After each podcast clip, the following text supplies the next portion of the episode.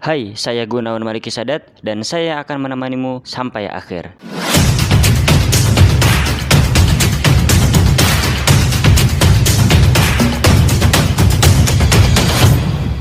Balik lagi di GMS Podcast episode ke-56.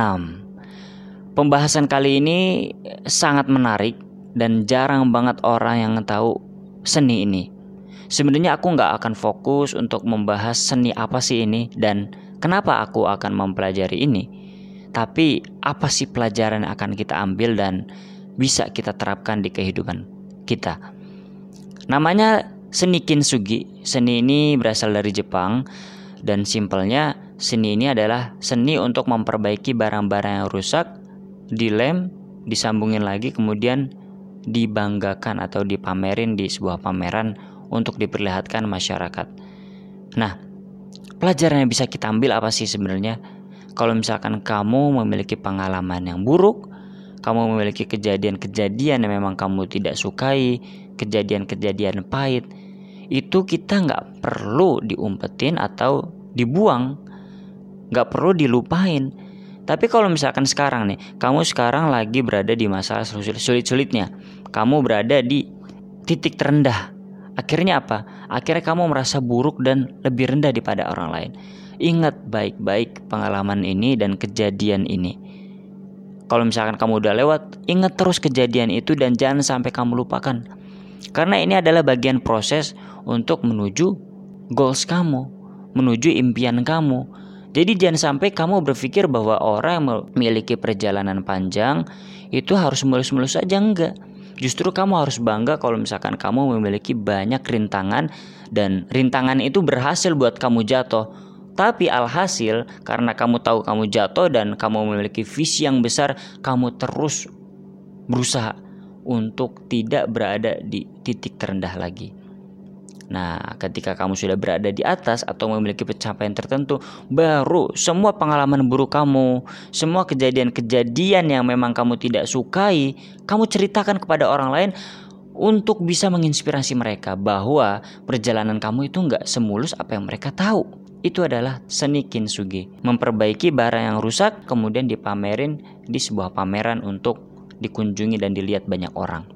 Jadi, simpelnya selama kita hidup, selama kita menjalani kehidupan ini, jangan sampai kita merasa, wah kehidupan gua kok tragis banget, wah kehidupan gua tuh nggak pernah enak, wah kehidupan gua tuh kok gak bisa seperti mereka. Intinya kalau misalkan kita udah mengeluh, simpan keluhan kita dan jalankan apa yang harus kita lakukan untuk bisa menuju impian kita, untuk menuju goals kita.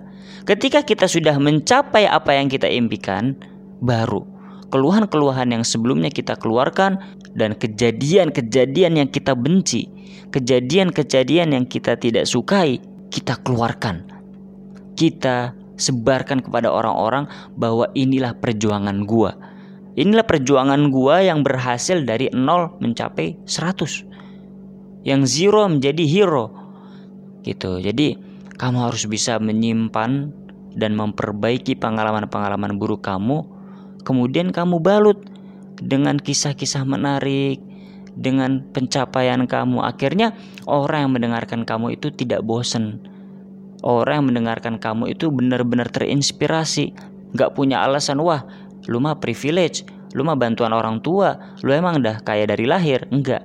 Tapi karena kamu sudah mengalami hal-hal yang memang jarang orang alami, mereka lebih terinspirasi dan gak mau kalah akhirnya sama kamu.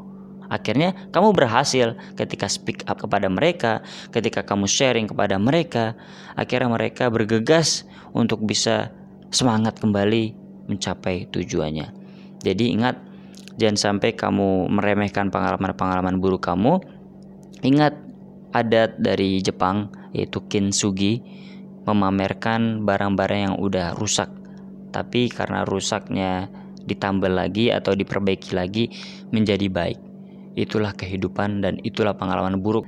Ketika kita bisa melapisi kemudian kita bisa menyimpan pengalaman buruk itu baik-baik maka pengalaman buruk itu nggak selamanya pahit akan menjadi manis di mata orang lain. Oke semoga bermanfaat. Salam semangat